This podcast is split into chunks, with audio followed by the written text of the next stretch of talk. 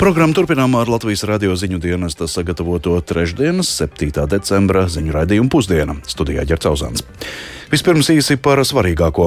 Vai veselības nozares reformas ar ārpus politiķu vides ministri neapstāsies nemaz nesākušās? Apvienotais saraksts ir simtprocentīgais viņas muguras, un mēs viņu atbalstīsim viņas centienos beidzot iegūt šo lūzumu punktu Krievija pastiprina dronu uzbrukumus Ukrainā un gatavojas otrajam mobilizācijas vilnim. Kremlis to kategoriski noraida. Viena no šādām pazīmēm esot Belgorodas un Kurskas apgabalos izsludinātā teritoriālās aizsardzības vienību veidošana, lai ietirgotu iedzīvotājiem melus par iespējamo Ukrainas iebrukumu. Pēc trīsgadīgās meitenītes iespējamās noslapkavošanas Krāslavā atklājas, ka ģimene jau iepriekš bijusi dienestu redzeslokā, turklāt ar atņemtām aizbildņu tiesībām tās situācijas un traģiskie notikumi, kas notiek ik pa laikam, tādi ir. Nedomāju, ka no tiem mēs varam izvairīties simtprocentīgi. Par šiem un citiem tematiem turpinājumā.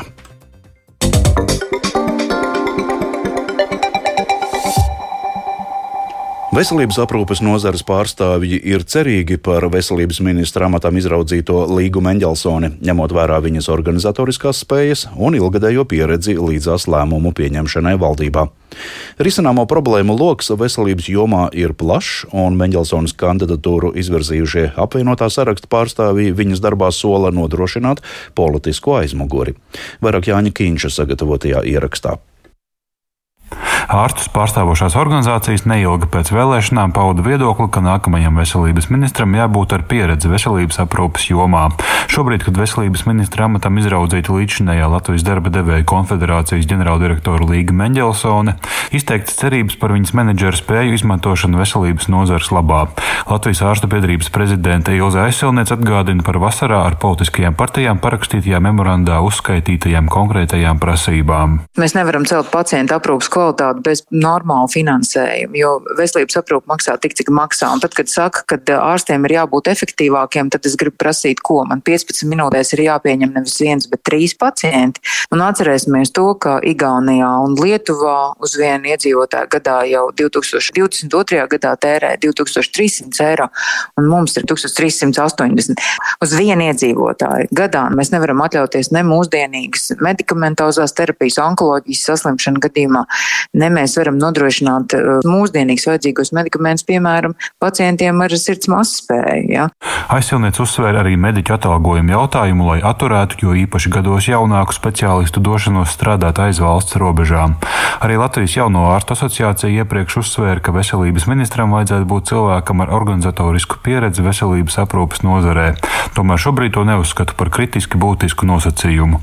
Turpina asociācijas vadītājs Artūrs Šilovs. Mēs ar kolēģiem šo apspriedām. Nav, protams, nekāda problēma, ja cilvēks nav no medicīnas nozares, bet uh, tai galvenai prioritātei un um, laika ieguldījumam, nu, sākotnējā periodā noteikti būtu jābūt izpratnes iegūšanai par daudziem dažādiem jautājumiem, jo nozara nav viegla, bet viss būs atkarīgs atkal no tā, kā cilvēks vēlēsies un gribēs mainīt. Šajā gadījumā mēs esam vienmēr atvērti sadarbībā un gatavi nākt ar priekšlikumiem, jo beig beigās tas nav par veselības ministriju vai ierēģiem vai tikai ārstiem, tas viss ir gal galā par pacientu. Tā ir noteikti uzdrīkstēšanās un šeit ir jābūt tiešām lielai drosmei, lai šādos apstākļos uzņemties nozares vadību.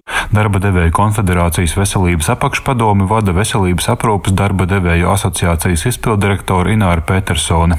Viņa uzsver Mendelsons pieredzi sadarbībā ar vairākām valdībām. Politiskās virtuves pārzināšana tas ir tāds ļoti būtisks plus un viņas personīgās īpašības, harizma un tā tālāk ir. Es domāju, ka nu, gan mēs, gan tāpat tās arī kā biedri ir gan klīniskās universitātes slimnīcas, gan, teiksim, mazākas slimnīcas, ka nu varētu mēs apvienoties. Šeit ir svarīgi vēlme sadzirdēt, uzklausīt mūs un, teiksim, nu, kopā ar nozari meklēt tos risinājumus. Un, ja tas neizpaliks, es domāju, būs labi.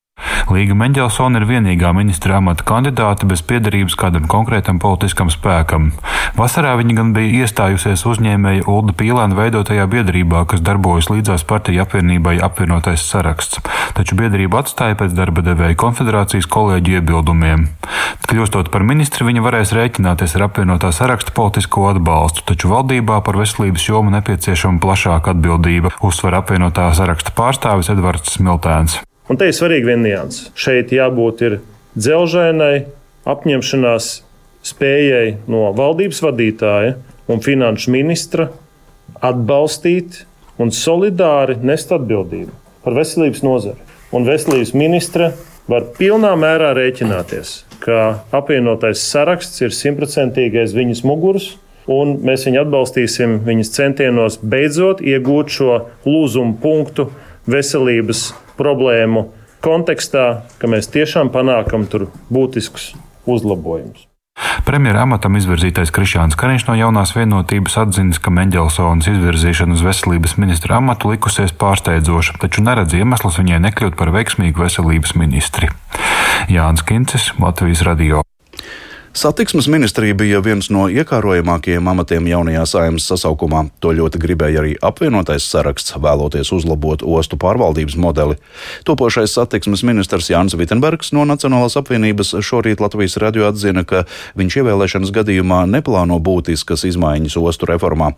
Tomēr sadarbībā ar uzņēmējiem un pašvaldībām būtu jādara viss iespējamais, lai palielinātu kravu apgrozījumu Latvijas ostās. Kā vienu no savām prioritātēm Vitsenbergs nosauca dzelzceļa dzelzceļa projekta Rail Baltica uzraudzību, un arī atzina, ka Eiropas Savienības iecerē kopumā pāriet visās Savienības valstīs tikai uz šauro sliežu platumu, uzskatāma par ļoti interesantu. Es domāju, ka tā ir iespēja. Tagad es teiktu, tas ir tāds uh, lozungs, un tā ideja varbūt vēl ir uh, gan zaļa. Ja, tur ir dots pietiekami garš termiņš, 2025. gads, lai varētu izvērtēt, cik tas maksā. Ir interesanti saprast, vai uh, no Eiropas būs pieejami dažādi finanšu līdzekļi, lai šīs pārmaiņas varētu īstenot. Un, es domāju, ka tā ir liela iespēja, tas, tas protams, ir dārgs, dārgs projekts. Tādēļ arī 25. gads saprast, ko mēs varam izdarīt. Piebildīšu, ka Latvijā šobrīd pieejamie dzelzceļu ceļi būvēti pēc Krievijā esošās liežu platuma, kas nesakrīt ar Eiropā esošajiem.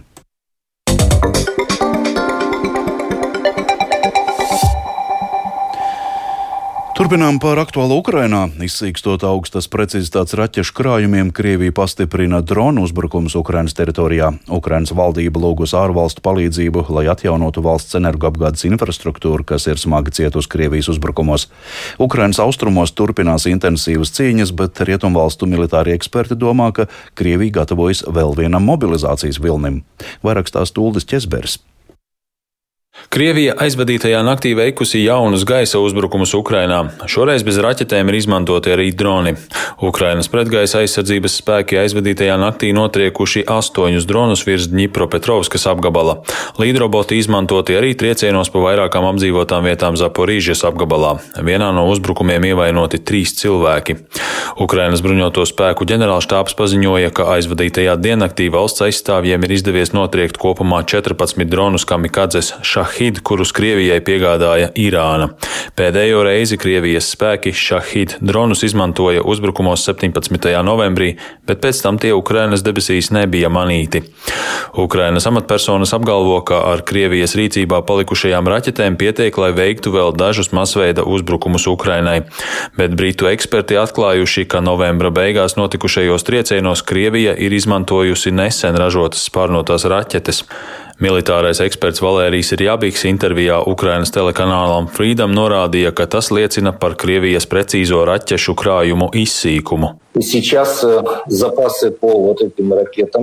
Šo augstas precizitātes raķešu, piemēram, H-101 un Kaļibra rezerves, ir sasniegušas tā saucamo ārkārtas līmeni - aptuveni 30%.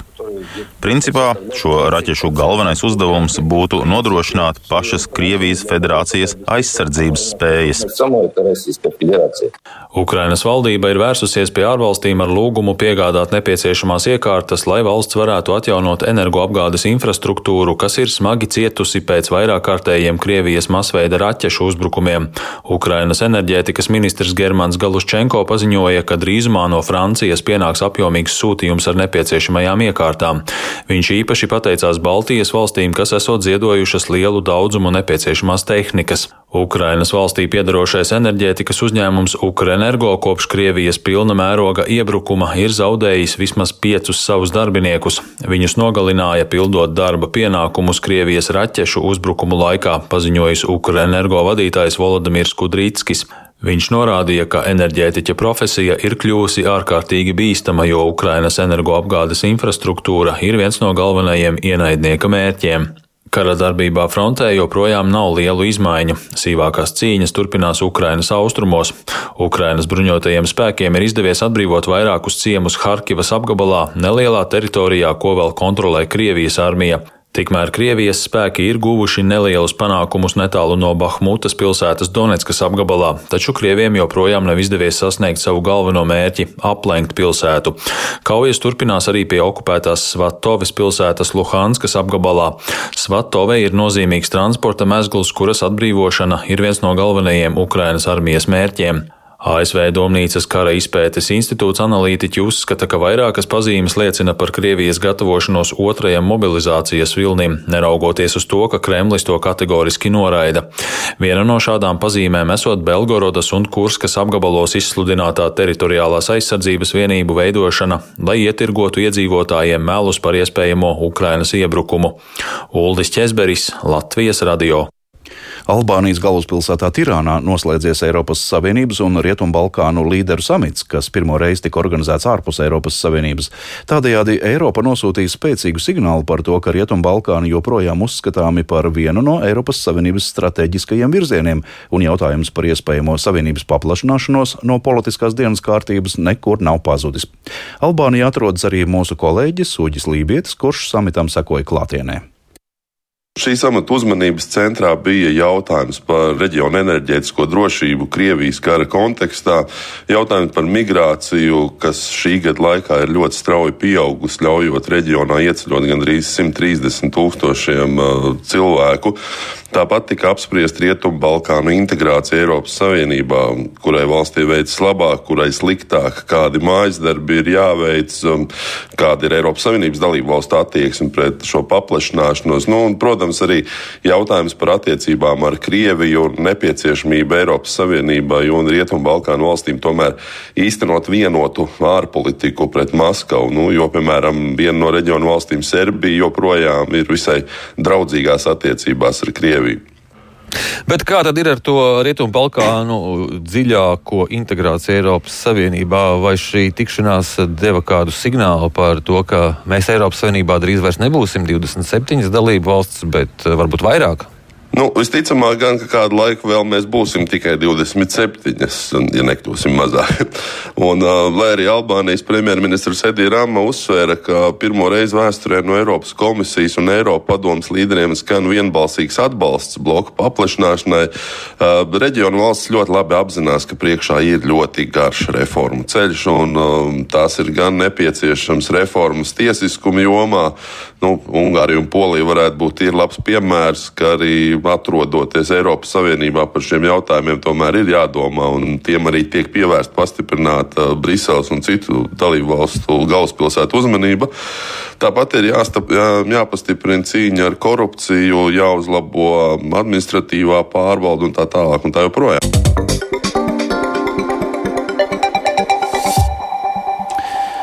Saimnes cilvēktiesību un sabiedrisko lietu komisija, kas tagad strādā jaunā sastāvā, šorīt sanāca, lai izterzētu sabiedrisko elektronisko plašsaziņas līdzekļu vai vienkāršāk sabiedrisko mediju attīstības stratēģiju. Un komisijas sēdē piedalījās arī kolēģi Ieva Puķe, kas šobrīd ieradusies studijā. Sveiki, Ieva! Saki, vai vari sīkāk pastāstīt, ko sprieda komisija? Labdien, Girta! Labdien, klausītāji! Komisijas sēdē deputāti runāja par Latvijas sabiedrisko mediju, Latvijas televīzijas un Latvijas radio paredzamo apvienošanos jautājumos, un tā nav atraujama no vēl aktuālāka jautājuma par šo mediju finansējumu. Piebildīšu, ka komisijai, kura šajā saimā virzīs arī mediju politikas jautājumus, sastāvs ir visai raips. Dīdzis Šmits no apvienotā saraksta priekšēdētājs, eh, trīs deputāti no jaunās vienotības, um, Leila Rasima no progresīvajiem, Augusts Brigmanis, Jānis Vucāns, Zaļo un Zemnieku savienība, Glorija Grevcova no Polskās apvienības stabilitātei, Linda Liepiņa no Latvijas pirmajā vietā, um, Aleksandrs Kirsteins un Ināra Mūrniece no Nacionālās apvienības. Uh, jau šajā sēdē gan noskaidrojās, ka komisijai būs arī jauns priekšsēdētājs, jo Dizis Šmits jaunajā valdībā ieņems zemkopības ministrā amatu. Un, un arī Arvils Ašeredans no jaunās vienotības dosies strādāt valdībā finanšu ministra amatā. Uh, Ināra Mūrniece kantēja uz aizsardzības ministra amatu. Uh, tā tad uh, šeit varētu vēl būt izmaiņas. Un ko tad paredz jaunais sabiedrisko mediju pārvaldības modelis? Tas nav nekas jauns.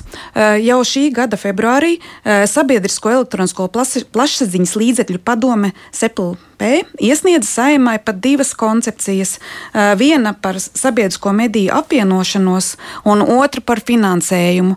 Iepriekšējā saima, diemžēl, tās tālāk nevirzīja.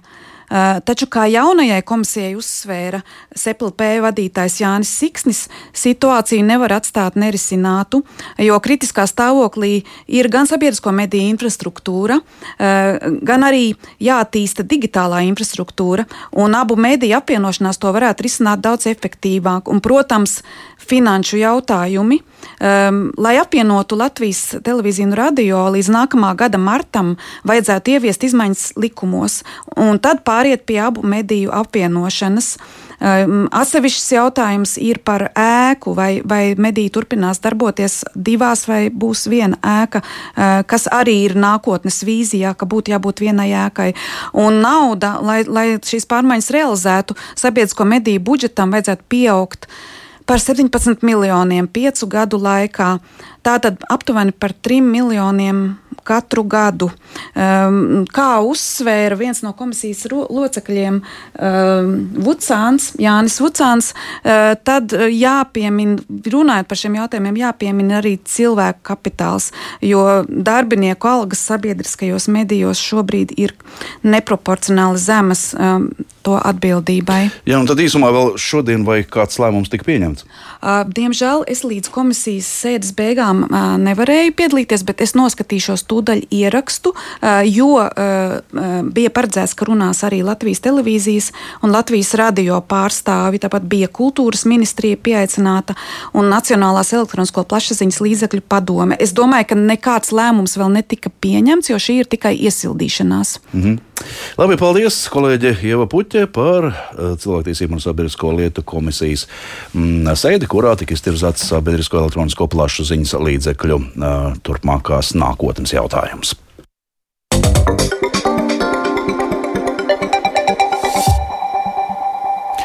Kraslavā pēc mātes apcietināšanas par sava trīsgadīgā bērna iespējamo slepkavību Labklājības ministrija un Bērnu tiesība aizsardzības inspekcija sākušas pārbaudas, lai pārliecinātos, vai institūcijas ir darījušas visu, lai šo gadījumu novērstu. Bērna māte ar dzīves biedru iepriekš jau vairāk kārt nonākuši policijas redzeslokā par dažādiem pārkāpumiem. Turklāt pirms diviem gadiem alkohola lietošanas dēļ mātei bija atņemtas aizbildņu tiesības. Vairāk skaidroja Lāsma Zuta Vītola. Ģimene, kurā svētdien tika konstatēta trīsgadīgās meitenītes nāve un bērnu māte tika apcietināta par iespējamo vardarbību, bija Krāslavas pašvaldības sociālā dienesta redzeslokā. Un sadarbība no ģimenes puses bijusi atsaucīga, apliecina Krāslavas novada sociālā dienesta vadītājas vietniece Elita Trūle. Tiešām ģimene pozitīvi sadarbojās ar sociālo dienestu un arī no citām iestādēm un institūcijām informācijas, kas par kaut kādiem notikumiem šai ģimenē dienestam nebija. Tāpēc arī šobrīd, jā, darbs turpinās ar šo ģimeni un uh, arī tie visi pakalpojumi sociālās rehabilitācijas, kas ir paredzēti likumdošanā, bērniem tiks nodrošināti. Ģimene dzīvo daudz dzīvokļu mājā, taču signāli, kas liktu būt modriem, arī no kaimiņiem nav nākuši. Arī par to, vai bērnu mātei ir atkal bijušas problēmas ar alkoholu, dienestam informācijas nav. Ne no citām iestādēm vai arī no policijas nekur šādu ziņojumu par oficiālu viņas alkohola lietošanu vai kaut ko mūsu dienestā nebija saņemti.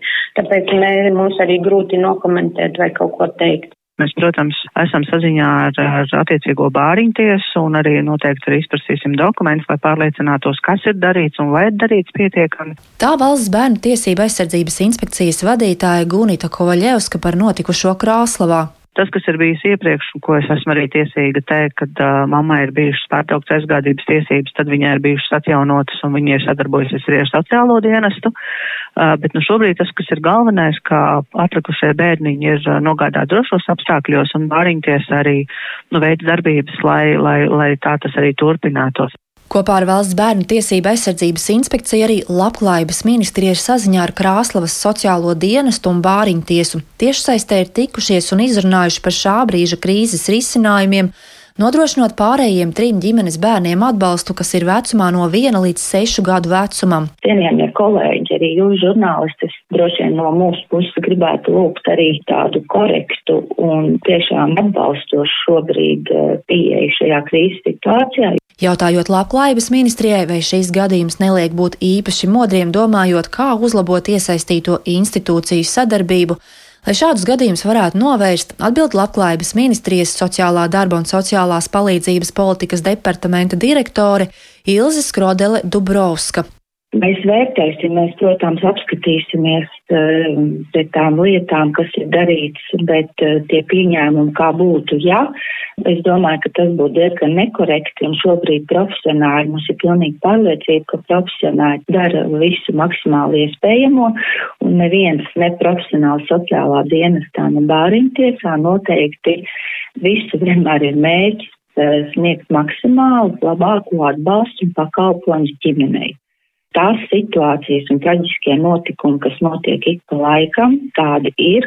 Un, un es nedomāju, ka eh, nu, no tiem mēs varam izvairīties simtprocentīgi, un tā tas notiek arī visā pasaulē. Kā apliecina arī Labklājības ministrijā, situāciju un atbildīgo institūciju paveiktais tiks analizēts. Jāteic, apcietinātās bērnu mātes dzīves biedrs, kurš sākotnēji arī tika aizturēts, ir atbrīvots jo šobrīd, kā apliecina policijā, nesot pamatu uzskatīt, ka viņš ir saistīts ar iespējamo bērnu slepkavību. Saistībā ar notikušo ir uzsākts krimināla process, un šobrīd policija turpina izmeklēšanu. Lāsma Zūta Vītola Latvijas rādio studija Latgalē. Lai mazinātu atkarību no dabasgāzes un nodrošinātu stabilu siltumapgādi, Valmierā taps jauna šķeldas katlu māja. Tā kopā ar jau esošo šķeldas katlu māju spēs saražot līdz pat 90% no pilsētas kopējās siltumenerģijas. Plašāk par tēmatu vidzemes korespondentes Guntas Matisonas ierakstā. Kopā ar Valmieras novada galveno arhitekti Zandu Lapsu esam vietā, kas izraudzīta jaunās katlu mājas būvniecībai. Tā atradīsies starp televīzijas retranslācijas torni un Vidzemes Olimpisko centru. Šī teritorija arī ir pēc funkcionālā zonējuma, tieši tehniskai apbūvē paredzēta, un arī platības ziņā viņa pilnīgi ir pietiekošs laukums, lai, lai uz, novietotu šo te paredzēto plānoto katlu māju. Skatot no tāda plašāka, arī visa, visas šīs Valmieras daļas attīstības attīstības, e, manuprāt, e, tas būs liels iegūms, kad būs šī iespēja arī pieslēgties. Šobrīd šajā Valmijas rajonā siltumenerģijas ražošanu nodrošina akcijas sabiedrības Valmijas piens katlumāja, izmantojot dabasgāzes iekārtas. Jaunās šķeldes katlumājas būvniecības izmaksas būs 3,9 miljoni eiro, bet kā stāsta enerģētikas uzņēmuma Adven Latvija, projekta vadītājs Mārcis Smalkais ir iegūts arī Eiropas Savienības atbalsts. Nu, jaunā katlumāja nodrošinās to, ka siltumapgādes rajonā, kurā šobrīd šobrīd tiek izmantot pilnībā fosilie energoresursi, lai, lai nodrošinātu siltumenerģijas ražošanu, tad eh, tā vietā būs šķelda, kas ir atjaunojamais un vietējais, un attiecīgi arī cenas ziņā. Nu, ja mēs šodien skatāmies, cik maksā gāze, cik maksā dīzeļdegviela, tad eh, noteikti arī lētāks. Tas nozīmē, arī tam būs ietekme uz tarifu kaut kādu. Jaunā katlamāja nodrošinātu to, ka Valmērā atjaunojamās energoenerģijas īpatsvars sasniegt jau pat 90%. Novaddomas priekšādātāja vietnieks Ričards Gailums vērtē, ka nākotnē šie ieguldījumi noteikti atmaksāsies. Ja tā skatāmies ilgtermiņā, tās būvizmaksas noteikti arī atmaksāsies. Jo tomēr energo neatkarība, vietējais resursu šaldi, kas mums ir pieejams, mūs padarīs eh, stipr, stiprākus noteikti. Šobrīd jaunajai katlumājai tiek veikta plānošana un priekšdarbi, lai iespējami ātrāk sāktu iepirkuma procedūru un būvniecību. Paredzēts, ka apkura no šī siltumavota tiktu nodrošināta jau 2024. gadā. Gunta Matsona Latvijas Rādio vidzemē. Līdz ar to izskan trešdienas, 7. decembra ziņu raidījums pusdiena. Producents Edgars Kopčs, par labskaņu rūpējās Katrīna Bramberga un Uldis Grīnbergs, studijā Ģercauzāns. Vēl par svarīgāko - veselības nozara ir cerīga par potenciālo ministri Mendelsoni, apvienotais saraksts pārmaiņām sola nodrošināt politisku aizmuguri, Krievija pastiprina dronu uzbrukums Ukrainā un gatavojas otrajam mobilizācijas vilnim. Pēc trīsgadīgās meitenītes iespējamās noslapkavošanas Krāslavā atklājas, ka ģimene jau iepriekš bijusi dienestu redzeslokā, turklāt ar atņemšanu saņemtām aizbildņa tiesībām. Mūsu ziņām var sekot līdzi arī Latvijas Rādio 1 Facebook lapā un sabiedrisko mediju portālā LSM LV. Yeah.